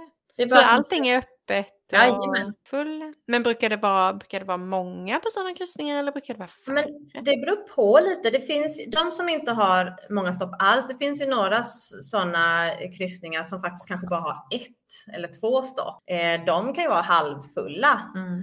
Eh, medans eh, kanske den här från eh, Los Angeles till, eh, eh, till Chile, den fortsatte ju sen så man kunde ju faktiskt bokat den som en ännu längre. Nu var det 16 nätter och det var fem stopp. Så att då fick man ändå se liksom Mexiko och man fick se Costa Rica, man fick se Peru och man fick se Chile, två stopp. Eh, men den fortsatte ju sen runt liksom till Uruguay, Argentina och sen till Brasilien och sen låg den ju då fram och tillbaka brasilianska kusten eh, under den säsongen. Så då bytte ju den plats och den kom ju förmodligen från Karibien och hade åkt igenom Panamakanalen upp till Los Angeles eh, som sitt sista. Där hade den ju legat förmodligen Miami, Los Angeles fram och tillbaka eh, då innan den tog fart runt Sydamerika. Men vill man ha mycket kryssning för pengarna, ännu mer liksom än, än, än vad det faktiskt är, så är det, ska man leta upp sådana just här oktober, november eller typ april. Så finns det mycket roliga med lite andra stopp. Har ni någon önskekryssning då? Någon sådär dröm som ni inte har gjort än? Jag skulle kryssa i Söderhavet. Ja. Nej men den, eh, vi märkte ju det när vi, vi la ut Annas kryssning den hon ska göra nu. Bara för att liksom beskriva den lite mer så ska ju hon alltså flyga till New York. Eh, kryssa med ett fartyg och ett rederi då som faktiskt lägger till i Manhattan. Eh, så att kryssa med ett kryssningsfartyg ut från Manhattan. Vi har inte gjort det någon av oss. Jag va? har gjort det. Du har gjort det Mm, innan? Med samma fartyg. Med samma fartyg, ja. Inte, Eh, inte precis samma rutt dock. och det är en sån här bild man målar upp när man Mm. säljer en sån kryssning och just med det rederiet då att den faktiskt lägger till eh, mitt på Manhattan. Eh, och sen ska ju du ha då 14 nätter Mm. tills dess att man kommer in New Orleans. i New Orleans. Eh, så den är ju väldigt, och den, eh, vi fick ju till slut bara liksom Stänga. stänga. den, för det var ju liksom uppemot 60 eh, bokade och vi hade väl tänkt max kanske 20 ja, var Ja. min första. Sen blev det 30. Nej men 40. Nej men 50 nu är det max. ja.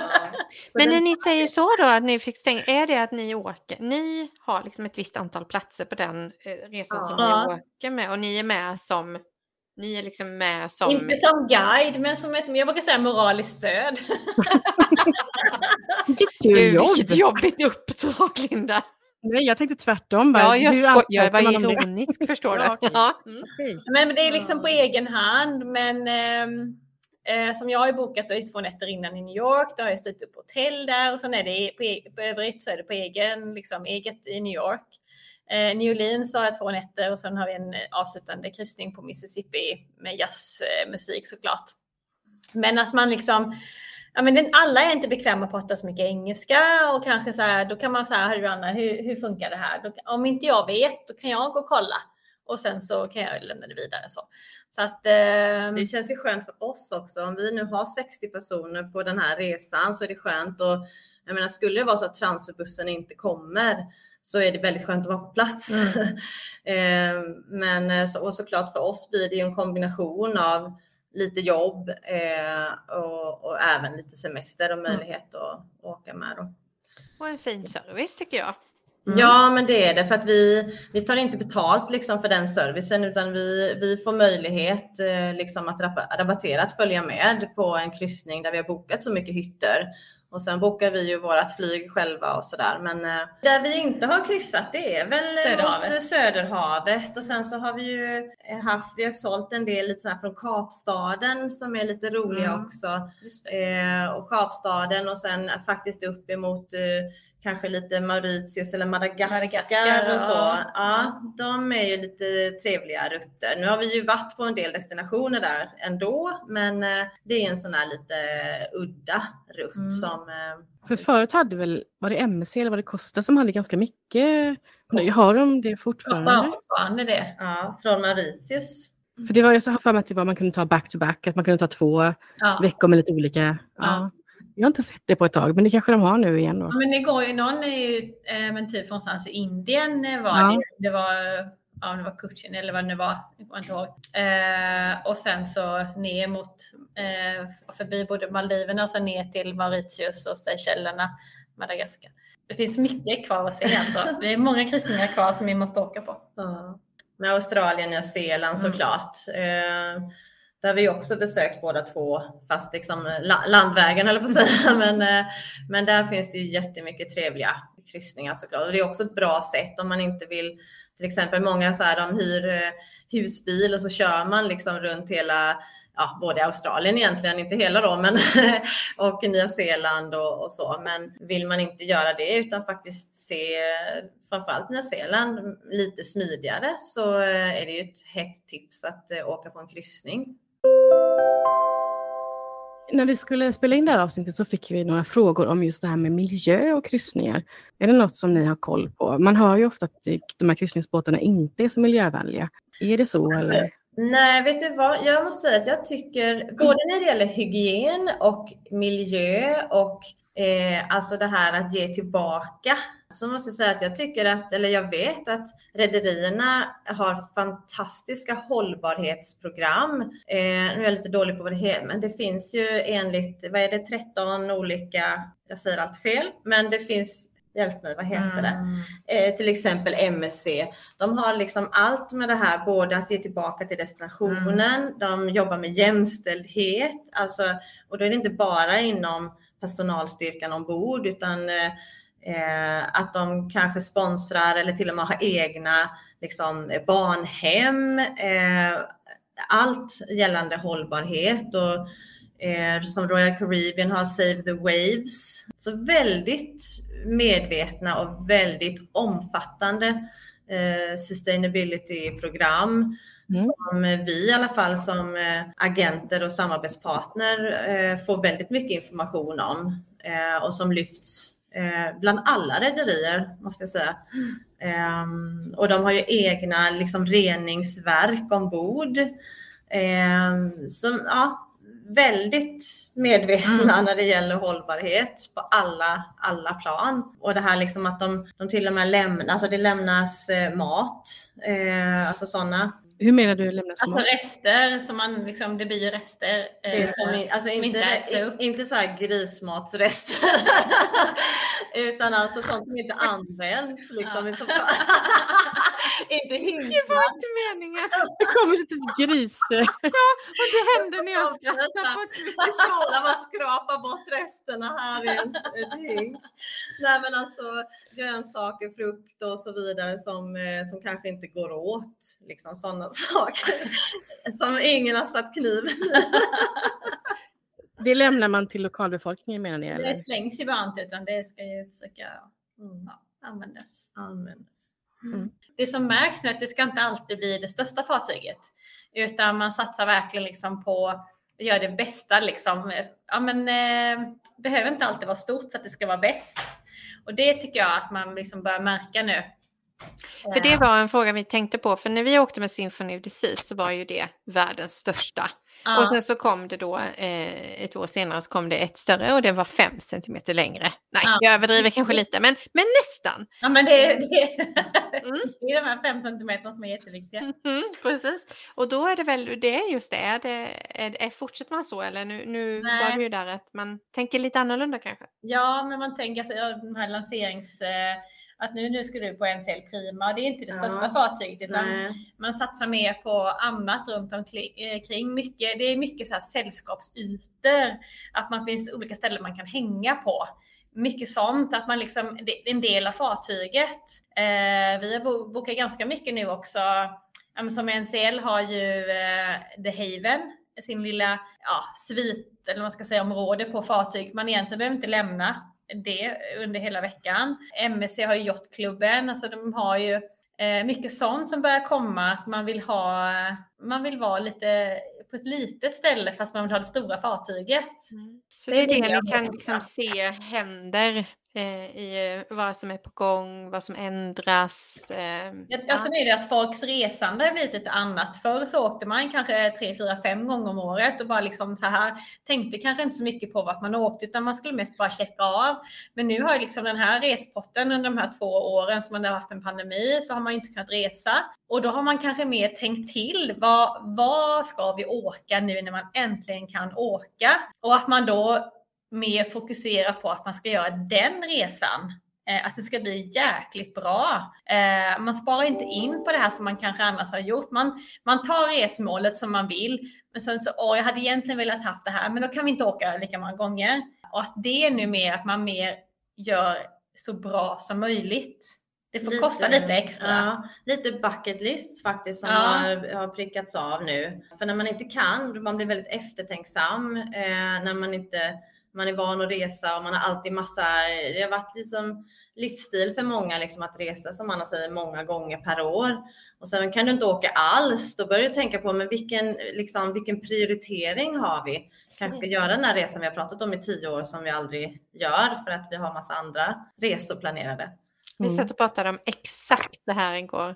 Eh, hemma. Exakt det här att man också har, att man inte känner samma, men det är inte det, samma konsumerande utan att man väljer. Liksom. Ja. ja. Jag tänker så här, kvaliteten, kvaliteten på produkterna, kvaliteten på flygbolagen och liksom hotell, rederierna och så vidare. För att det behöver inte massproduceras allting än att det ska finnas eh, hur mycket flygbolag som helst och pressa priser och det ska vara dåliga förhållanden för personal och sådana här saker. Att, eh, faktiskt vi har bokat väldigt mycket business class-biljetter eh, som vi inte har gjort innan egentligen. För att ja, ska man åka på den här drömresan nu och man har drömt om att faktiskt kunna testa att åka business class till exempel så har man, man kanske till och med sparat i två år eh, och sen inte haft, ja, som sagt möjlighet, men att man, då har man på sparkontot lite extra pengar som man mm.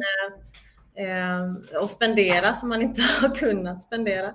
Ja. Så, ja, ja. Mm. Vi fick tack från, för sponsring av Rädda Barnens Golf av Beckman och Berg. Så han ville lämna den till oss nu. Ja, okej. Okay. ja. ja, det händer lite i bakgrunden och om vi nu ja. får med detta i avsnittet så är det ju alltid så, det ska vi ändå säga, att Beckman och Berg har stängt dörren för privatkunderna, låst och sagt att vi är i viktigt möte och spelar in podd med oss. Det är vi jättetacksamma för, ja, verkligen. Vi är jättetacksamma för det ju. Men ja. eh, tack så jättemycket för att ni kom hit. Eh, är det någonting som vi har glömt fråga er som ni tycker att det här måste man ju veta om kryssning? Jag tycker det känns som att vi har gått igenom det mesta. Absolut, det har ni. Och om man nu känner att man ska om man skulle vilja boka med er, om man känner att men, de där eh, verkar ha koll på läget, hur, hur hittar man er då? Ja, men vi eh, är ju duktiga inom situationstecken på eh, sociala medier. Så mm. att, eh, söker man på Beckman Berg, alltså B-A-C-K, Backman Berg blir det då. På Instagram och, och, Facebook så hittar man oss där eller på beckmanberg.se. Eh, så kan man skicka förfrågan där. Ja, och ringa såklart, men alla uppgifter så finns där. Mm. och det länkar ju vi såklart till eh, i våra poddavsnittsinformation och Absolut. på vår hemsida och på våra sociala medier. Mm. och, och, det är viktigt nu som sagt att ni, det är inte bara för Kalmarborna ni finns ja. Absolut. Ja, men så är det. Vi är ju liksom, eh, det är många som, eh, som vi pratade om i början, att man man var trött på att leta själv och, och så här på internet och så där. Och så kommer vissa i frustration. Vi betalar för extra för att om ni hjälper oss så vi slipper och, och fixa själva. Och då är det viktigt att, att, veta också att vi sitter i samma flygbokningssystem som eh, flygbolagen gör. Eh, vi sitter inte och, och bokar liksom online som en privatperson gör, utan vi har samma möjligheter där med bokningar och ombokningar och så vidare. Eh, och likadant med såklart med alla rederierna så har vi ju avtal så att det kostar inte mer att boka via oss utan vi är ju återförsäljare, prioriterade återförsäljare eh, av samtliga av de rederierna som vi har pratat om. Eh, så att det är inget, inget extra utan det är vårt avtal med dem. Så egentligen är det bara dumt att boka själv helt enkelt? Ja. ja. man kan ju tänka sig, har man aldrig kryssat innan, hur ska man veta? För det är en djungel på nätet. Vilket fartyg passar mig och mina behov? Mm. Hur ska man kunna få ta reda på det om man inte har kryssat innan? Då kan Nej, man det- ringa någon som har kryssat 45 gånger totalt. Ja, det kan vara så att det kan underlätta lite. Ja, det, vi, vi, vi, vi frågar ju om, varför är ni kryssningsexperter eller varför kallar ni er det? Och det har vi ju liksom fått svar på nu, Ja. känner vi. Ja. Ja, Ja, men, tack så jättemycket för att ni kom hit och svarade på våra frågor, Bäckman och Berg. Och, Tack eh, att vi fick vara med. Det är jättekul att ni ringde.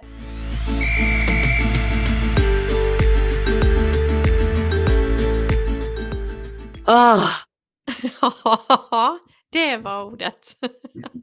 vilka coola brudar. Ja, alltså på så många olika sätt. Naturligtvis för alla otaliga kryssningar, för deras engagemang, för deras, hur de tar med sig grupper och inte minst att de mm, liksom startar det här företaget. Det blir pandemi och det går så himla bra. Och om vi inte har sett fel så söker de ju ännu mera folk, så det kan ju också vara ett tips. Förutom att man kan köpa resor av dem så söker de folk också om man Ja. jobbar i resebranschen. Ja, det, ja, det- de, är, de är helt fantastiska. Ja, verkligen. Och all information om var ni hittar dem och sådär, det finns ju naturligtvis i, eh, vi lägger med det ja, på vår Instagram eh, och eh, i, eh, på vår hemsida eh, på avsnitt, den delen som behandlar det avsnittet. Så att ni vet var ni hittar dem. Jaha, blev du sugen på att kryssa ännu mer nu? Ja men du, det blev jag faktiskt. Och en sak som jag tänkte på, som jag inte riktigt hade, hade fattat sådär för länge sedan, det var ju att det blir ju inte ens dyrare om man bokar via dem. Eller via en resebyrå överhuvudtaget. Man får servicen och det kostar lika mycket. Det är bara no-brainer känns det som. Ja, jag håller med. Servicen är ju fantastisk. Man typ kan väcka dem mitt i natten nästan kändes det som. Ja, man undrar ju hur länge det kan vara hållbart att jobba Ja. på det sättet. Och, och, och kan man, är det inte så att man kan väcka dem mitt i natten, ja då har vi dem med oss på kryssningen istället. För det är de ju faktiskt på vissa. Nej, de jobbar ju mycket men eh, de har nog väldigt kul under tiden. Ja, det känns så. Det, det lät så på dem. Nej, Jag blev faktiskt också eh, sugen på att testa lite olika. Jag, jag har en sån där liten... Alltså det är ju det här med vatten. Jag, nu kommer ju till mina fobier igen här.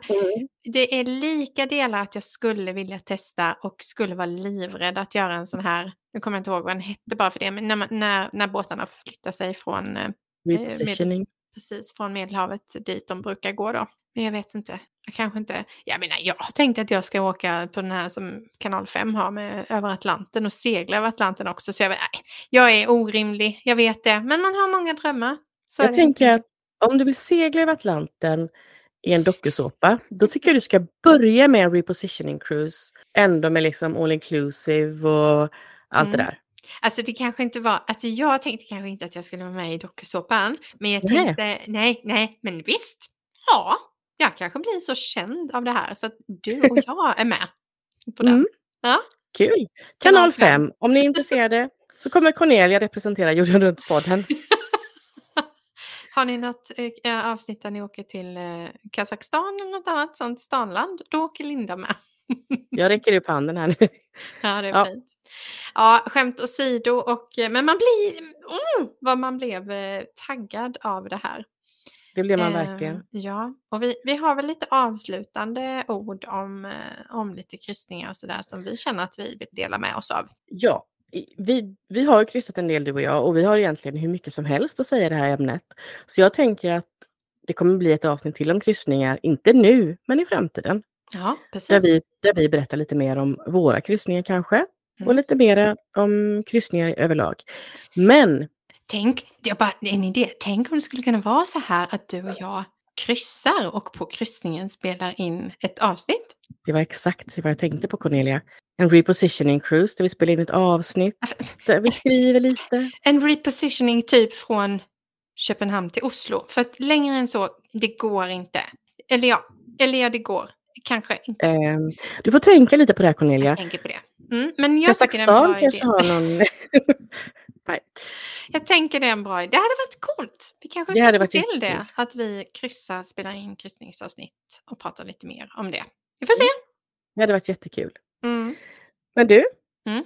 du sa ju också till eh, Tina och Anna att du hade blivit sjuk på en resa.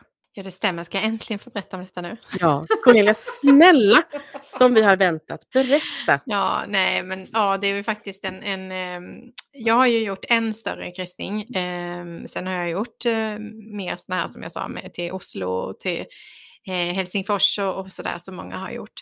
Men jag var ju på en eh, kryssning för, ja, det var 2018 tror jag, eller 2019. Eh, en medelhavskryssning med eh, Royal Caribbean där vi åkte på då var det världens största kryssningsfartyg, Symphony Seas. Mm. Och det här var mitt, min första upplevelse av det. Och jag har lite problem med min mage eh, som, som ligger liksom lite latent. Så jag måste tänka på vad jag äter. Eh, det är, inte, utan att gå in på det på för mycket, så är det något som kallas tarmfickor. Och äter man eh, lite för snabbt eller dricker lite för lite vatten så, så kan de där dyka upp. Och det gjorde de egentligen gjorde de faktiskt det. Jag började känna av det strax innan vi skulle gå i land i Rom. Men Rom kunde jag inte missa. Så jag tog mig igenom Rom och sen så hade vi då sista stoppet dagen efter och det var Neapel. Och natten mellan eh, vi var i Rom och skulle stanna i Neapel så, så blev jag jätte, jätte, jättedålig. Så på morgonen eh, när jag vaknade där så kunde jag knappt ta mig ur sängen. Eh, och då fick jag testa på att eh, gå till doktorn på en båt. Och det var ju liksom, ja det var som en hel vårdcentral skulle jag säga. När man kommer ner där, det var liksom, man gick, jag upplevde att man gick ner i de här katakomberna där personalen i vanliga fall är. Och det är Mm. ju nästan lika stort det. Alltså det var ju, och det var ju som en helt ny värld, inte lika flashig värld ska jag säga. Och så var det verkligen som en, ja men det var som en liten vårdcentral med receptionsdisk och flera olika undersökningsrum och alltså britsar och, och, och en doktor som såg ut som han kom ifrån den här doktorn kan komma och var från Sydafrika och så. Och eh, det var verkligen som att gå till en vårdcentral hemma och få eh, ja, medicin utskrivet. När du säger att doktorn såg ut som, inte för att vi inte ska prata om det viktiga Cornelia, men när du säger att doktorn såg ut som att han var från Doktorn kan komma och kom från Sydafrika, Ja. betyder det att han liksom var lite sådär 80-talsaktig eller betyder det bara att han var väldigt snygg eller? Både och. Aha. Ja, men liksom, ja, han hade så här perfekt frisyr, lite 80-talskänsla och såg väldigt bra ut. Ja. Mm. Mm, ursäkta att jag avbröt din historia. Hur- Jag tror inte jag tog någon bild på honom för jag var inte riktigt vid min, mitt bästa jag. Nej, du tog ingen selfie med läkaren. Nej, det gjorde jag inte. Nej, nej, det gjorde jag inte. Nej, men och, och, alltså det, det man kan säga som jag tyckte ändå var så skönt, för jag, de här, så, så var det faktiskt att, att när jag har haft de här sakerna innan så har jag behövt bli inlagd på sjukhus, så jag kände mig ganska orolig. Det var inte bara så här, åh, jag fick ett litet bett eller sådär, utan jag, jag var ganska orolig. Hur, hur ska det här gå? Eftersom jag Mm. då faktiskt har fått ja, bli inlagd. Och, men det, det var så oerhört betryggande eh, man, att, att se att det fanns den sjukvården ombord. Eh, och det fanns mediciner. Det var ju lite roligt i och med att det ändå är amerikanskt. Liksom. Man fick ju verkligen de här pillerburkarna Ja. eh, som, som var verkligen så här superamerikanska och, och det blev mycket bättre. Eh, men det jag vill säga med det är att det är verkligen, det finns en, en hel liten vårdcentral ombord och jag är ganska säker på att de kan göra bra mycket mer än vad man kan göra på en vårdcentral också faktiskt Ja. eh, ombord. Så att det var, det var väldigt betryggande, väldigt skönt. Det var inte helt eh, billigt så att det är bra att man har en liten försäkring där man kan få tillbaka lite pengar kan man väl säga. Ja, det har vi också upplevt i amerikan, amerikansk sjukvård. Att det kostar en del. Men åh, jag måste bara få berätta, det, det var så himla gulligt. Jag hade ju verkligen sett fram emot att gå i land i Neapel, framför Mm. allt då, eh, eftersom det finns stenhögarnas stenhög där i form av Pompeji till exempel och eh, en annan hög grej som heter Vesuvius, eh, eh, vulkanen där. Och på morgonen när eh, jag vaknar och Andreas frågar, ska vi, men ska vi gå och äta frukost? Jag bara, jag klarar inte av det, det går inte liksom. Så drar han för, ifrån gardinerna och så Så säger jag, vad ser du? Nej, det, det är bara ett litet berg. Sen. Jag bara, det är inte Vesuvius vi ser. Nej. Och så typ, till, bara, vet, så häver jag mig upp. Jag bara, det är Vesuvius. Och sen lägger jag mig. Men det var ändå så gulligt av henne. Nej, det, det syns inte så mycket. Det är bara ett litet berg. Skulle han liksom Men det, du har ju sett Vesuvius? Ja, på väldigt, ja inte väldigt långt håll, det var det ju inte. Ja, jag har sett Vesuvius. Jag tror till och med att jag tagit en bild på det. Kan Mm. säkert lägga upp det. Det var, det var ju naturligtvis kul att ha sett det så, men det var lite ledsamt att inte få gå i land. Eller jag kunde ju inte, jag orkade inte. Men Cornelia, Pompeji finns kvar. Ja, det verkar ju göra det. Det har, ju Jag har legat där ett tag. Ja, precis. ja, så att det, det finns kvar, absolut. Och man kan väl säga att summan av kardemumman är att var inte oroliga om ni blir sjuka ombord. Det ordnar sig. Ja, det gör det. Och eh, worst case så finns det ju också en liten helikopterplatta där man kan komma och hämta. Absolut. Det har ju vi sett eh, på en kryssning. Mm, En dam som blev hämtad av en helikopter ute till havs. mm, mm. Så det ordnar sig. Men du Linda, jag tänkte så här. Eh, du har ju ändå kryssat lite fler gånger än vad jag har. Skulle inte Ja. du, har inte du liksom någon liten tipslista till oss eller något? Saker du... Jo, men jag har faktiskt några tips, Cornelia. Som av en händelse. Ja. Så har jag några tips på, om man nu ska kryssa, så har jag några tips på vad man kan tänka på. Mm.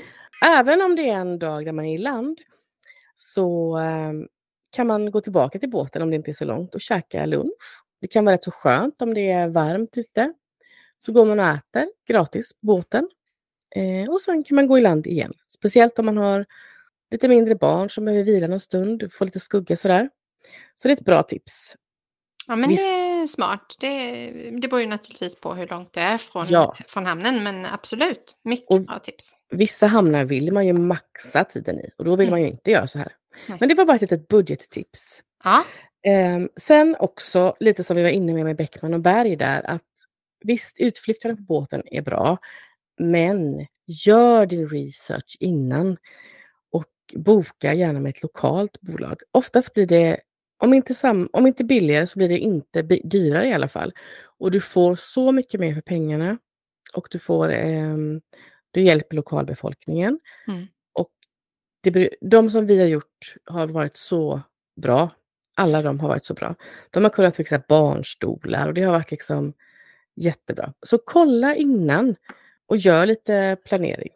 Mm, det tycker jag är ett jättebra tips. För det är faktiskt någonting som kryssningen får lite kritik för. Att man bara kommer till en hamn och, och liksom inte ser till att lokalbefolkningen får nytta av det. Men det är faktiskt ett riktigt bra tips. Och ehm, en annan sak det är att ehm, när man är ombord på kryssningen kan man, om man har barn med sig eller för sig själv, så får man alltid ett litet eh, kort eh, med sitt eh, foto på eller sitt namn på i alla fall. Och sen så visar man det när man går av båten, man visar det när man går på båten och då dyker det upp ett, en bild på, sig, på en själv på liksom säkerhetspersonalens dator och så vidare. Ofta kan du använda det, ehm, um, chipcard heter det. Det kan du ofta använda som identifikation när du går ehm, i land och när du går tillbaka till båten. Oftast behöver du inget pass utan det räcker med det här. Eh, och det kan du också ha och betala med ombord. Så du, du laddar, eller du, du registrerar till kredit, kreditkort ombord och sen har du ditt chipcard. Och då kan du liksom bara dra det eller visa det och så registreras allting där. Det är ett Mm. bra tips, men det kan också vara ett tips att ha lite koll på det där. Och det brukar man kunna eh, gå till informationen, till guest service eller kolla på sin TV på sitt rum vad man har handlat. Men där kan man också begränsa eh, hur mycket barnen ska få handla på sitt kort. Så det Det- kan vara bra att tänka till lite där. Ska det vara fritt för barnen att handla vad som helst? Eller ska man sätta någon slags budget på det? Och så vidare. Mm. En annan sak när det gäller chipcardet, det är att man gärna tar med ett sånt här nyckelband eller köper det ombord. Så kan barnen hela tiden ha det där kortet runt halsen. De kan lätt bli identifierade av personalen. Det står var man bor och vad man heter. Och de kan själva liksom, de vet alltid vad de har det där kortet, för utan det kortet så klarar man sig inte så bra ombord. Och mitt sista tips, det blir faktiskt att eh, se till att kolla varje dag, varje kväll, vad du vill göra nästa dag. Vi brukar ta med, det kommer som en liten ett informationsblad kanske varje kväll Mm. eh, till hytten. Och det brukade vi ta med oss till middagen eller till frukosten. Eh, vi brukade titta vilka aktiviteter det skulle vara ombord nästa dag. Och kan, då kan det vara de här aktiviteterna som vilken show är det, alltså vilken tid vill vi gå och äta för att passa in till, ska vi se den sena eller tidiga showen? Vad händer i barnklubben eller tonårsklubben? Är det någon quiz vi vill eh, gå till? Är det något som krockar? Är det en bingo eller en tävling i poolområdet? Vi gjorde helt enkelt ett litet schema så att vi inte skulle missa någonting. Eh, kan ju låta överambitiöst men eh, ganska skönt faktiskt att eh, ha koll på det där. Mm. Och som svar på den första frågan som, som vi fick, liksom, blir det någonsin tråkigt ombord? Alltså jag, nej, det, det finns att göra. Man behöver inte absolut. ha tråkigt ombord, så kan man väl säga. Och jag tycker det är väldigt gulligt den här lilla grejen som, eh, som kommer till hytten med den här lilla informationen om, om vad som händer nästa dag. Ja, det är liksom. jättemysigt. Ja, det. Ibland kommer det till och med en liten, eh, något litet handduksdjur som de har vikt eller en liten Ja. pralin som ligger bredvid. Det beror på lite vilket bolag man åker med. Sådär. Och det är gulligt också att de bäddar upp på kvällen och kommer in och Mm. liksom drar för gardinerna och bäddar upp sängarna. Ja, men det, det är väldigt, det känns Det- lyxigt. Ja men det gör det och, och det är liksom nästan som att bo på något av de lite lyxigare hotellen. För det är ju en sån sak som, som ofta händer om man bor på lite mer lyxhotell. Att de faktiskt Mm. kommer in och bäddar upp och, och sådär. Så att det är ett litet, litet lyxhotell fast en båt då. Wow.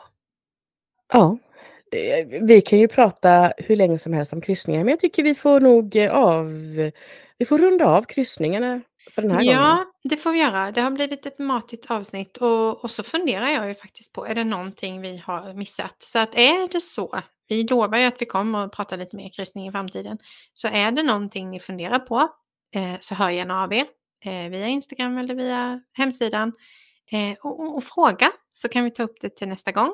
Eh, och så kan vi få lite snacka mer lite på, på andra eh, sociala medier också. Få en liten Absolut. dialog där, det är kul. En annan sak som vi Mm. skulle vilja be våra följare om det är ju faktiskt att ratea oss på Spotify.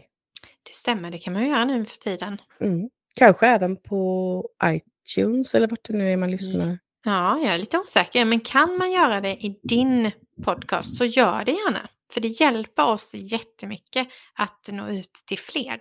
Och det tycker vi är roligt såklart. Såklart.